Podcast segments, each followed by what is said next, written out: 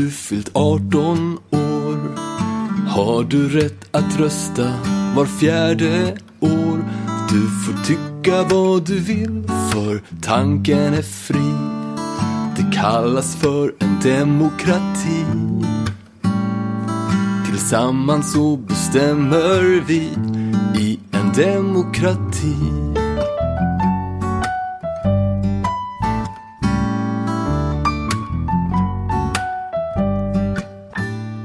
Lyssnar på Blom Olsson Perspektivpodden med Pelle Blom och Jeanette Olsson. Jag heter Urban Århammar och är ordförande i föreningen Panorama i Örebro som ligger bakom podden. Vet ni vad? Idag är det faktiskt det tionde programmet vi har. Ja, men det känns lite högtidligt faktiskt att vi har lyckats hålla på så pass länge och det har hänt mycket, eller hur, under den här tiden när det gäller demokrati inte minst. Vi nämnde det lite precis här innan vi gick in i podden att Kanske är det för att man nu håller på så mycket med det, men det känns som att det dyker upp överallt nu, frågorna. Alltså, eh, det är politiken och det är tidningar och det är liksom överallt att man börjar diskutera faktiskt och det är bra. Tror du att det är vi som är uppstarten till att det liksom blev en liten upphöjning på frågan? Jag skulle vilja kalla det för panoramaeffekten. ja, det är härligt Pelle. Nej, men det är tionde gången som vi samlas här idag och Panorama har ju funnits i snart i ett år. Men du och jag Pelle, vi har jobbat med den här frågan i alla fall aktivt sedan 2018. Mm. Så det är tre år som vi har hållit på. Och det har ju bara som du säger accelererat nu att nu börjar det liksom diskuteras på många olika nivåer och plan. Så det är bra. Och nu fortsätter vi ju att driva våra poddar i Panoramas anda. Det gör vi absolut. Eh, och idag är det inte bara jubileum då när det gäller antal program utan vi har faktiskt en gäst idag. För första gången så har vi en gäst utifrån och det känns också väldigt spännande och kul. Eh, idag kommer vi att få prata med Lovisa Strand som är expert på mänskliga rättigheter och det är ju ett ämne som vi har varit inne på men som vi känner att vi verkligen behöver få veta mer om vad det betyder. Så välkommen Lovisa! Tack! Hej Lovisa, vad roligt att ha dig här! Tack, det är väldigt roligt att få vara här med eran, på er tio, tionde podd och ett års jubileum nästan. Nästan ja. Ja, det är härligt. Du förstår, stort det är. det kräver sin fanfar. ja, verkligen. Du Lovisa, vi har ju träffats tidigare i olika sammanhang. Kan inte du presentera lite vem du är och vad du jobbar med? Och... Absolut. Jag jobbar som strateg på Örebro kommun eh, kring mänskliga rättigheter.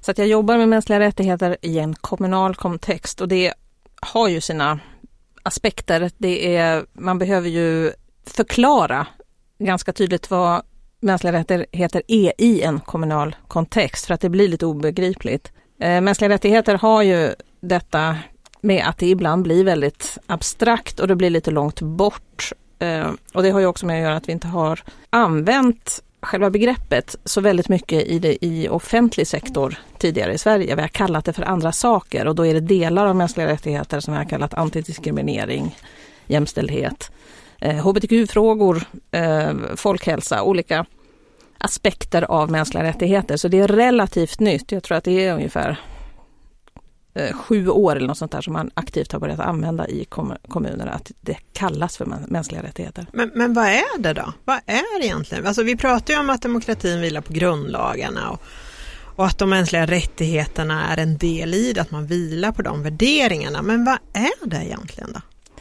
Eh, det är helt enkelt allas lika rättigheter, att alla människor har samma värde och lika rättigheter eh, när man kokar ner det till vad det handlar om. Men sen är ju det sådär, ja vad betyder det då?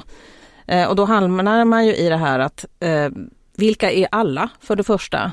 Eh, och alla är ju inte alltid alla. Eh, det vet vi ju, jag menar vi behandlar inte människor lika.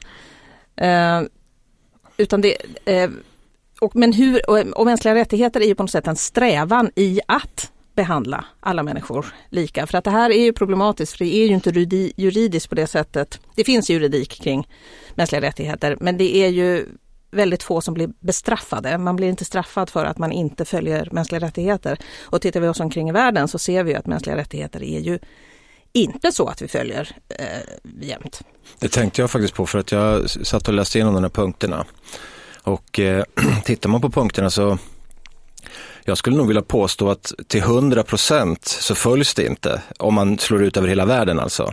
Sen kan jag tänka mig att det är olika i olika länder hur mycket man eh, följer det och sådär. Så att eh, det tyckte jag var intressant att säga, det är liksom att det egentligen är någon sorts bild av att så här skulle vi helst vilja ha det. Men det är inte juridiskt alltså. Så, så att det går liksom inte, för, för, jag tänker då just med de här stora nationerna när de struntar i det fullständigt, eller går in och krigar om de vill. Ibland följer de lagar, ibland inte. Mm. Och där, för det finns ju en internationell lagstiftning kring det här, eh, internationell rätt och det finns eh, massa sådana. Men det är ju, nu lever vi ju i en tid när det inte står så högt i kurs. Så enkelt är det ju. Genèvekonventionerna används inte speciellt mycket inom eh, det, det, som är konflikt, eh, konflikter. Eh, man struntar i det för att skammen är liksom inte riktigt lika stor eh, längre i att inte följa det. Eh, och det ligger ju i samma sak med mänskliga rättigheter, jag menar vi i Sverige så har vi på nationellt plan, vi har ratificerat de här konventionerna kring mänskliga rättigheter. Eh, så att det är ju att vi har antagit det. Vi har sagt vi ska följa det här. Men sen att göra det i praktiken är ju fyllt av svårigheter. Det är ju inte helt lätt. Men, men om man tänker sig en, en enkel liten människa som jag för att jag ska förstå hur mänskliga rättigheter påverkar eller berör mig i vardagen, vad, vad skulle du kunna säga då? Jag tänker, när vi pratade igår så hade du ett jättebra uttryck på engelska och, och likaså inledningen liksom till den delen där du förklarade mm. som var väldigt, väldigt eh, basic. Eh, och då handlar det om att, jag vet inte om det är vardagen sådär, men det kanske är i vardagen, men eh, det handlar om att minska skillnader. Inom kommunen så pratar vi väldigt mycket om, politiken pratar mycket om kring det här med att vi ska minska skillnader. Eh, det är mänskliga rättigheter. Eh, att det inte ska vara så stora skillnader mellan områden, mellan olika grupper, mellan kvinnor och män, mellan eh, det som är eh, etnicitet, religion, alltså inte så stora skillnader, ålder. Vi ska minska de klyftorna eller minska skillnaderna det är om man, om man liksom ringar in vad mänskliga rättigheter är eh, i, i en vardag, eh, men i kommunarbete. Sen är det ju också det här, det som Agenda 2030, det som är FNs hållbarhetsmål. Där säger man eh, leave no one behind, vilket är att lämna ingen utanför. Det är mänskliga rättigheter. För det gäller ju att titta på dem som vi lämnar utanför. De som vi hänger med är liksom inga problem.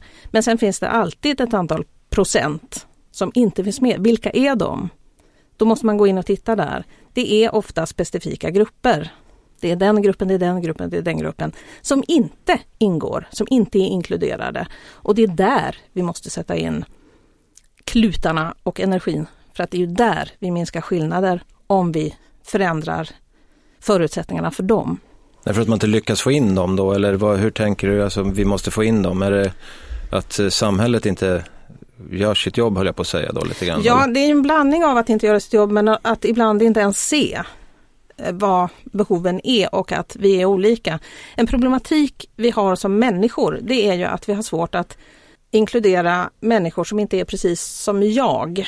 Om man tittar på eh, utvecklingen av mänskliga rättigheter så togs själva konventionen, den själva moderskeppet eh, 1948. Eh, då är det konventionen om mänskliga rättigheter, den togs då. Där står det alla, allas lika eh, rättigheter. Och det står också eh, oavsett ålder, eh, bakgrund, etnicitet. Det står ett, ett eh, ett antal sådana här. Ja, det var rätt många. Jag läste det ja. på pappret ganska nyligen. Där, men Eh, och, så det är då, där tar man med nyanseringen i det här. Oavsett om man eh, har funktionsnedsättning, oavsett om man, eh, vilken ålder man har, oavsett eh, religios, vilken religion man, man eh, bekänner sig till och så vidare. Men vi som människor har ju svårt att fatta det här. Så att under resans gång, under hela 1900-talet så, så fick man komplettera för man kommer på hela tiden att oj då, det finns en vi, ny liten människa. Vi har inte grupp. tänkt på mm. att det inte bara gäller vita, aj hoppsan. Då kommer man på 1960-talet med en som är mot rasism. Att det är liksom Eh, Även oavsett- svarta inkluderas. Även svarta inkluderas, Wow. inte bara vitt eh, skinn. 1979 kommer man på att kvinnor är människor. Ja, I, borde inkluderas. Ja, Oj, oj. Man kan eh, häpna över detta. Men det är, alltså, det är en successiv och det här har ju med att vi inte riktigt kan omfatta alla. Vi förstår inte vad alla är utan man tror lite slentrianmässigt att alla är mina grannar, mina kompisar, mina, där jag jobbar. Men man ser inte det man inte ser. Mm. Så att så har ju utvecklingen gått hela tiden med mänskliga rättigheter och då är det ju funktionsnedsatta eh, funktionsnedsättning, eh, rättighets, alltså konventionen, eh, den kom 2008. Mm. Det är ju 12-13 år sedan. Det är ju väldigt sent. Barnets rättigheter har också, det var, om det var 89 tror jag, jag vet inte. Mm. Eh, Alltså det är ju det här med att vi, vi förstår inte vad alla betyder. Och det här blir ju en, mänskliga rättigheter är ju en strävan efter att vi ska inkludera, att vi ska förstå vilka alla är och att då har alla samma rättigheter.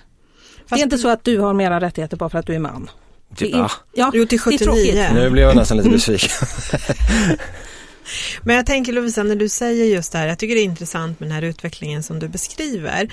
Men hur länge kan man hålla på och definiera? Kan man inte bara säga att allt levande liv, allt som liksom är Homo sapiens har de mänskliga rättigheter. Alltså att det är det mänskliga som ska vara övergripande. För det kommer alltid finnas någon liten grupp som dyker upp eller som utvecklar sig och kommer fram om 15 år, om 10 år och det är väl bra med utveckling men att liksom få en gemensam bild över just det här mänskliga för det är väl det ändå som förenar oss. Ja, eh, sen är vi ju inte redo för den skulle jag säga. För det, det är ju det som meningen var 1948 med den ursprungliga eh, konventionen. För där är det ju, det är faktiskt satt där, alla Ja. oavsett ålder, oavsett kön eh, och så vidare. Men vi, vi klarar ju inte av det. Och möjligen är det ju så att vi behöver ha den utvecklingen i att, att vi gör det här Eh, att vi separerar vissa, ja men det är faktiskt så att barn också är människor, har rättigheter. Det är så att kvinnor också har rättigheter. Vi måste liksom förstå det, vi måste lyfta det. För att det här kommer ju utifrån behov av att det är grupper som inte har synliggjorts överhuvudtaget. Eh, jag menar, tittar man på det här Eh, under lång tid forskar man medicinskt enbart bara på män, vilket gjorde att det var jättedåligt för kvinnor. Man måste förstå. Så är det fortfarande till viss, till, inom många Så är områden. det fortfarande, absolut. Eh, Men det är ju, och då är det nyanseringen som gör att man förstår eh, att alla är eh, olika sorter på något sätt. Att, att det, det finns olika, eh, att saker drabbar eller lyfter på olika sätt. Ett beslut kan ju vara väldigt bra för en grupp och kan vara väldigt dåligt för en annan. Det måste man, om man hoppar tillbaka till kommunal kontext, måste man förstå att gör vi det här så är det jättedåligt för den här gruppen. Men det är jättebra för den här gruppen och det är det som vi just nu behöver göra. Jag menar det kan vara, bara man, vet, man måste veta om det här så att man inte bara gör, jag tycker om ishockey, därför tycker jag att vi ska ha en ishockeyrink. Eh, och så är det bra för vissa barn Mm. men verkligen inte för andra för de har inte ens råd att köpa utrustningen. Jag menar, det finns, man måste, vi är inte där att vi kan säga den här. Så egentligen Alla vi handlar det om att medvetandegöra för vi har byggt upp vårt samhälle och våra institutioner utan någon slags likhetsprincip. Och då majoriteten, majoriteten har varit, om man tittar på i Sverige då, så har man kanske inte tänkt på att kvinnor och barn finns om man ska dra det till ytterlighet. Utan när man byggt upp insatser, man har drivit på eh, utifrån att alla är normen och då har man utgått från den vita mannen. Är det så man kan uppfatta det? Så kan man säga, men det är ju inte svenskt fenomen. Det här är ju Det över hela världs- världen? Ja, ja, ja, absolut. Och det är det i patriarkala samhällen som eh, ju också eh, finns rätt många av. Då är det ju extremt mycket så, för då handlar det om att det är det som är bra för mannen och familjeöverhuvudet, vilket är en man. Då kan man få igenom de mest bisarra eh, lagar. Mm. För man, då är det inte något annat som är intressant. Alltså det här är ju en problematik som finns överallt, att man just inte ser människor utifrån lika värde, utan att man ser det i en hierarkisk ordning. Men det, jag tänkte en liten av, utstickare eller avstickare, vad jag ska kalla det för. För det är lite, du pratar ju om den här utvecklingen som det har gått hela tiden och att det, att det är en ständig väg framåt och man omdefinierar och man ser, om jag ska ta en liten ytterlighet som, som eh, är ju att jag hade en period där jag läste en hel del om djurrätt och eh, hur man ska behandla djur. Det finns ju faktiskt filosofiska diskussioner och böcker som handlar om att man faktiskt ska väva in djur. Jag säger inte att, jag är inte tillräckligt kunnig för att säga att det ska vara till mänskliga rättigheter, men att djuren ska tillskansa samma känslor och samma, samma behandling som människor faktiskt i, i en sån här grej. Så på ett sätt så, alltså de här diskussionerna fortsätter någonstans ut i, ja, en lång väg åt andra håll också har jag förstått. Så att det där är lite klurigt. Ja, jag tänker på det här med värdigheten tänker jag på. Både för djur och för människor. För där har vi ju alltså värdighetsprincipen tänker jag liksom på. Och där, där händer det ju jättemycket kring när du säger utifrån det kommunala perspektivet överhuvudtaget våra institutioner. Just hur man då vad har man för värdeprincip utifrån mänskliga rättigheter mot medborgarna? Den är ju väldigt, väldigt viktig just det här med trovärdigheten, rättssäkerheten, eh, lika inför lagen. Det finns ju många parametrar att väga in just i det här perspektivet. Men jag vet, jag har också funderat på det här med vad betyder det här att alla har samma och lika värde? Om någon har, har varit fruktansvärt elak och har, alltså, om man tänker utifrån demokratin och mänskliga rättigheter så säger vi att ja, alla har lika värde. Men man har begått ett fruktansvärt brott. Har man samma värde? T tänker gemene man, jag tänker inte så, jag har jättefördomar. Alltså har du varit grym, då är inte jag, då har inte jag fina tankar. Och hur, hur, hur tänker du kring det Lovisa? Nej, det, det, är klart att man reagerar på det. Sen är, är det ju lite olika saker för att alla har vi ju rättigheter. Sen är det ju så att det, det gör ju inte att allting är tillåtet. Och då kom ju brottsrubriceringen in. Eh, och vissa saker är ju kriminella. Eh, och där, eh, mänskliga rättigheter är ju inte ett frikort att få göra vad man vill. Utan det handlar ju om att att jag har rättigheter men det har ju också med att göra att alla andra har rättigheter. Och då är det ju inte så att mina rättigheter kan övertrumfa någon annans eller gå in på den andra utan det är ju en gemensamhet där och att det kräver också en ömsesidig respekt. Vare sig det gäller åsikter, att, att, att acceptera att andra tycker någonting annat än man själv. Eller eh, om det gäller andra saker. Men det är ju aldrig, aldrig, aldrig så att man kan säga att det är min rättighet att begå ett brott. Det är, ja, våld är förbjudet.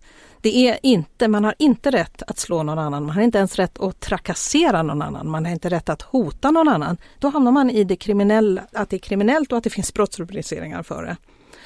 Eh, och det där är ju också, det är viktigt att ha med. För det här, det, det, vad vi har hamnat i kan jag känna både med mänskliga rättigheter och demokrati, det är ju på något sätt att att man inte tror att det är någonting. Man tror att, att ja, men i en demokrati får man göra vad man vill. Jag får göra, ja men jag vill göra det här. Och vi lever i en konstig tid nu när med fake news och allt det här att man, ja men jag tycker det här, alltså är det sant. Eller jag vill det här, alltså är det rätt. Och det är ju liksom, det stämmer inte. Om vi, om vi går tillbaka till de här mera fundamentala principerna eller vad man ska kalla det för, som har med mänskliga rättigheter, det är ett slags ömsesidighet i det. Det är inte bara att jag ska roffa åt mig olika saker utan det handlar om att jag ska respektera dig och dig och dig och dig. Vi måste hitta liksom tillbaka till någon slags gemensam grund att stå på där det är att man inte behöver älska alla men man ska på något sätt tolerera i alla fall varandra så länge man håller sig inom lagens råmärken för att det är inte okej att bruka våld. Och det ligger ju också i mänskliga rättigheter att det är rätten från frihet från våld. Man, det finns liksom inga rättigheter överhuvudtaget att bruka våld. Och där tänker jag, där träder ju våra grundlagar in att alla ska ha lika rätt inför lagen.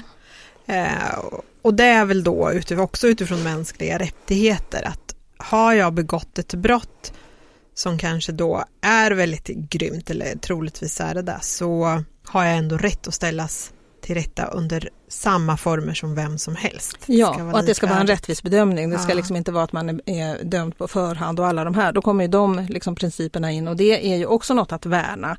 För det är ju, det är ju vad mera rättslösa eh, regimer gör. Det är ju att man har olika skenrättegångar. Man låtsas att man håller rättvisa bedömningar sig och så är det liksom klart på förhand och man har inte en chans att försvara sig. Man får inte någon försvarare. Och, så att vi måste ju värna det här hur, hur uselt, hur förfärligt brottet än har varit så måste man ju bli dömd på korrekta grunder.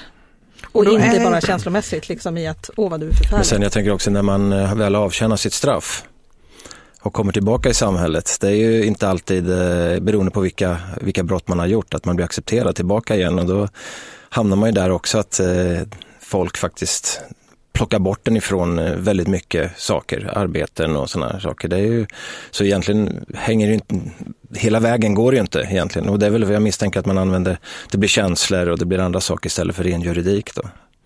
Och så är det ju, verkligen.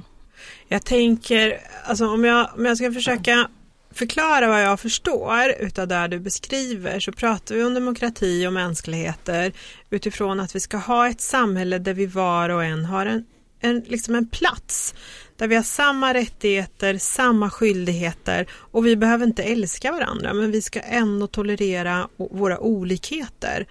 Eh, och det utgör grunden för att vi har våra grundlagar, det vilar på mänskliga rättighetsperspektivet och vi omfattas alla utav det. Sen kan vi ju tycka väldigt olika om varandra, vi kan, vi kan säkert säga olika saker men då kanske det är så att om jag höjer rösten mot dig och trakasserar dig för någonting, då blir det kanske en olaglig eh, preferensram. Jag får liksom, då är det mer utifrån att jag be- begår eh, ett brott. Och då, då är det inte demokra demokratin skyddar mig genom att ge mig en, en rättegång som är eh, enligt rättsväsendet. Då. Så uppfattar jag det du Ja. beskriver. Eh, nu är jag ju inte juridiskt kunnig på det där sättet, men eh, jag menar, det är ju den här, det är en stor diskussion kring yttrandefrihet och eh, det, här, det har ju också blivit någon konstig eh, attityd i att det på något sätt gör att folk tycker att, att de får säga precis vad som helst och det stämmer ju inte. Vi kan inte säga vad som helst. Vi har liksom inte rätt att, att just hota eller trakassera. Så det är ju inte, du får tänka vad du vill och du har yttrandefrihet i åsikter. Men, det handl, men övergrepp är ju liksom inte eh, är ju ändå inte okej. Alltså man, man, man kan inte bara hävda de här grejerna att man har rätt och man har yttrandefrihet i vad som helst utan det är ju också i någon slags anda av att det inte är ens rättighet att göra andra illa. Jag tänker när du säger det där så, så slås jag utav, och det här är högst min personliga uppfattning. Jag tycker människor idag är så otroligt lättkränkta, även jag emellanåt. Och, och jag liksom ser så mycket, det blir så mycket individer så att det blir svårt att ha någon grupptillhörighet. Så en grupp kan ju utökas till smågrupper för att vi har så mycket behov. Och då är det så svårt, till slut törs man ju inte säga någonting. För det är alltid någon som blir lite kränkt över någonting. Fast vi lever ju i någon sorts dubbelsamhälle tycker jag, för det där är den ena delen som jag håller med om till 100 procent. Å andra sidan så står ju folk och skriker det, både det ena och det andra. Jag då som brukar vara på Twitter rätt ofta där det är otroligt hårda, hårt mot varandra och eh, det är inte alltid att man att de känner sig kränkta. Det handlar mer om att man, man har helt olika åsikter och helt olika politiska inriktningar och så kastar man det. Det har jag märkt att det är ju faktiskt rätt många politiker som är inne i det här också numera och, och faktiskt kastar rätt mycket hårda ord och, och, och har en massa eh, omdömen om människor som de faktiskt inte har träffat i, i, på riktigt överhuvudtaget. Och där känner man ju liksom att eh, hur, vet de om vad mänskliga rättigheter är och vad man får göra eller tror de att eh, då är utifrån vad du berättar här, liksom att ja men vi har ju yttrandefrihet, vi får ju säga vad vi vill. Då kan man ju kalla någon för vad fasiken som helst. Eh, hur känner du kring det? Alltså, Ja, eh, alltså min uppfattning är att, att man vet inte riktigt vad mänskliga rättigheter är utan man använder det väldigt mycket till vad som passar en. Och det finns ju mycket reklam och sånt som är det är en mänsklig rättighet att ha en iPhone eller vad det kan vara. Alltså att man eh, och, och det har ju vattnats ur på det sättet för att det används så slentrianmässigt eller, eller utan, utan substans.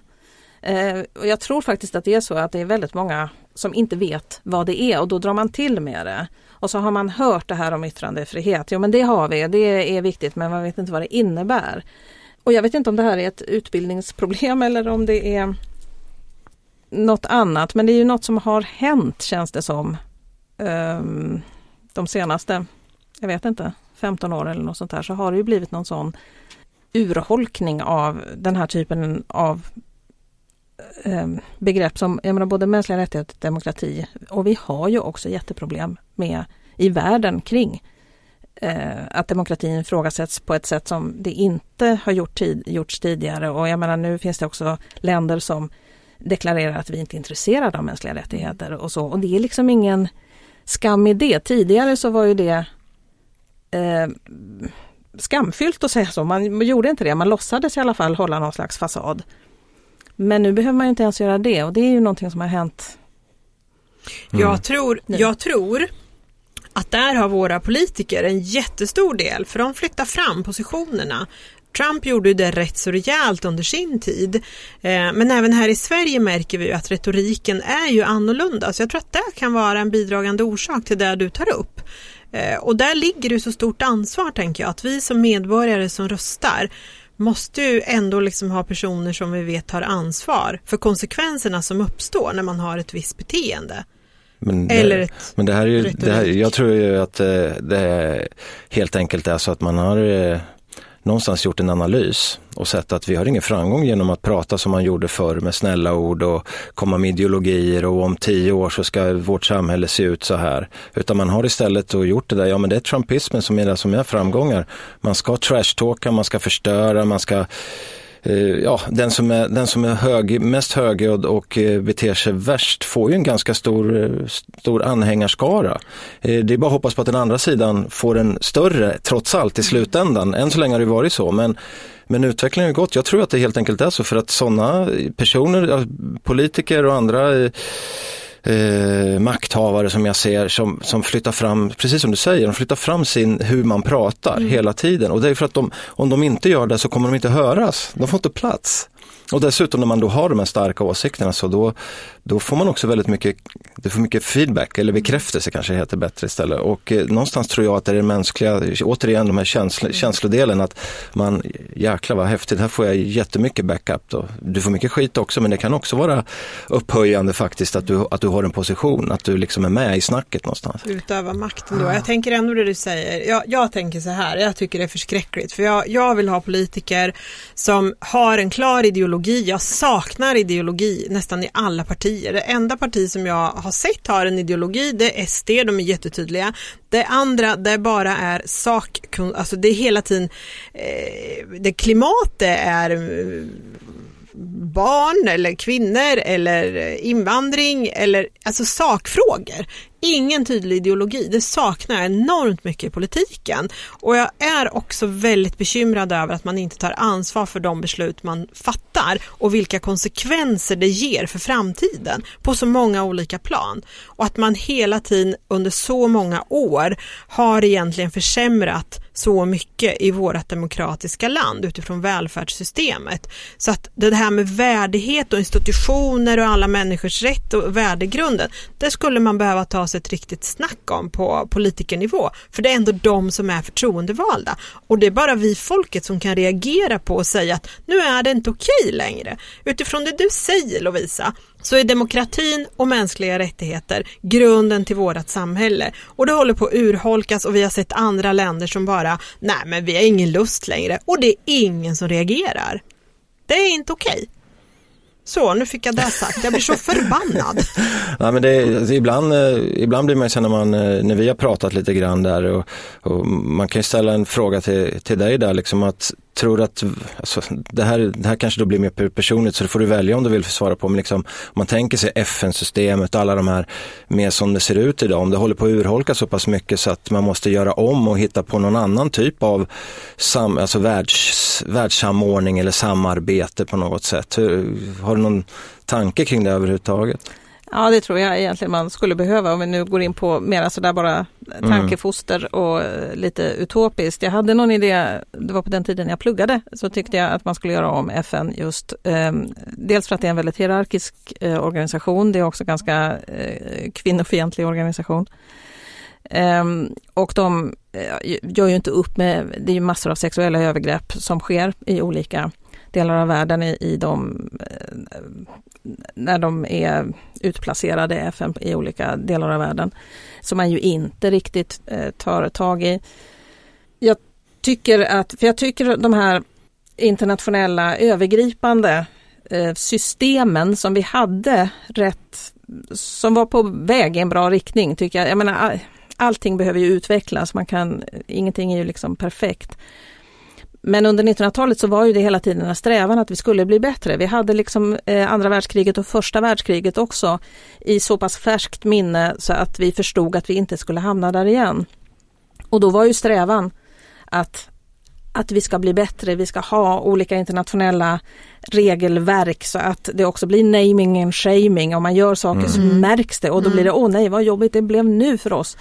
Eh, nu, det, men det har ju helt urholkats av att dels för att konflikter numera ser lite annorlunda ut. De sker inte på samma sätt det är inte regelrätta krig utan det, är, det sker inne i städerna, det är bland civilbefolkningen, det är liksom en helt annan struktur på det vilket gör att Genèvekonventionerna och sådana där som har reglerat krig under 1900-talet ändå inte riktigt har, har kunnat eh, användas och inte ens liksom man är inte ens intresserad av det. Och tar vi det i närtid så, så är det ju IS till exempel har inte varit minsta intresserade av att följa några regler. Det har ju varit tvärtom. Det har ju varit deras liksom signum.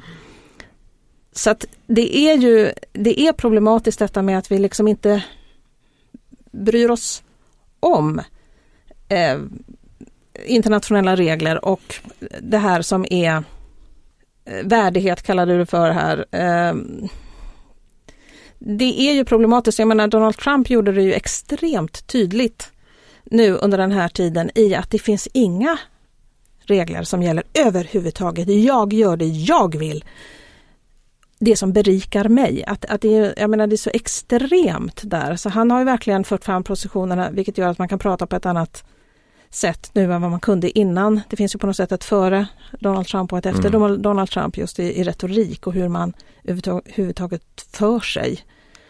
Som är lite eh, deprimerande om man ser det utifrån demokrati och mänskliga rättigheter. För vad som är med demokrati och mänskliga rättigheter det är ju att det är komplext och det är ju på så sätt väldigt osexigt. Det, de här populistiska Donald Trump och eh, som man kör i Ungern och Polen, de här människorna som kör den här väldigt populistiska linjen. Det är ju en mycket enklare världsbild man presenterar som är enklare att ta in. Men inte så jäkla sexig. Nej, inte alls. För att det, mänskliga rättigheter och demokrati det är långsamt, det är långsiktigt. Det är liksom inte de här snabba resultaten och att det är lattjo på det där sättet utan det är ju det här trägna, tråkiga kommunala arbetet som mm. inte ens syns i många lägen.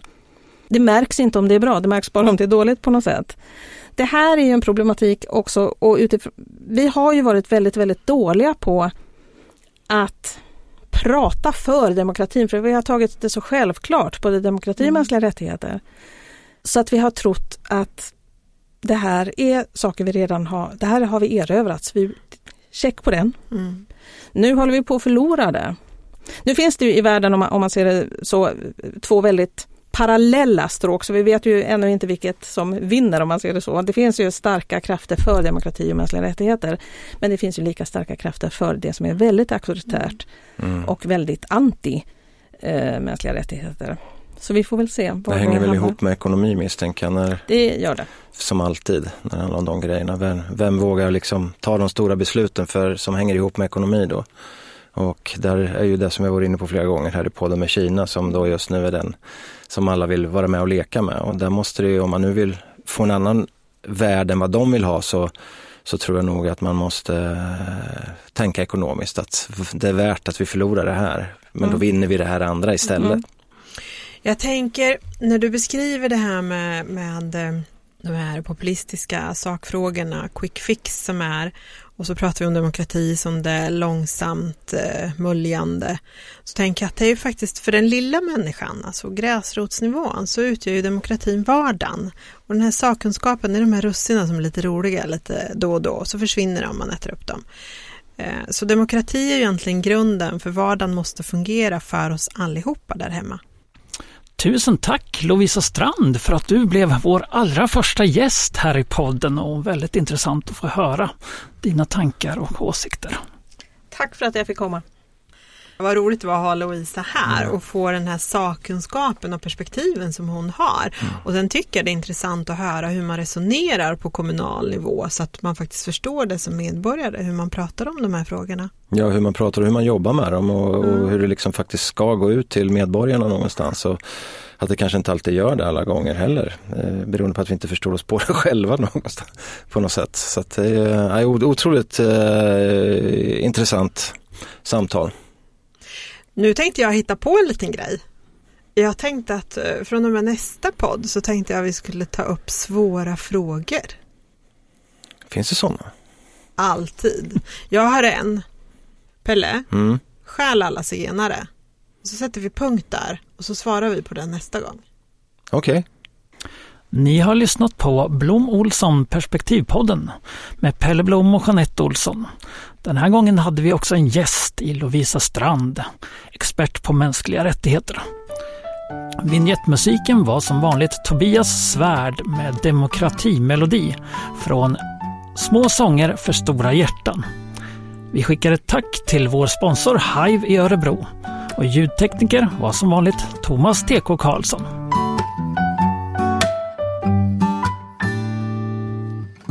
Från den dagen du fyllt 18 år har du rätt att rösta var fjärde år. Du får tycka vad du vill för tanken är fri. Det kallas för en demokrati. Tillsammans så bestämmer vi i en demokrati.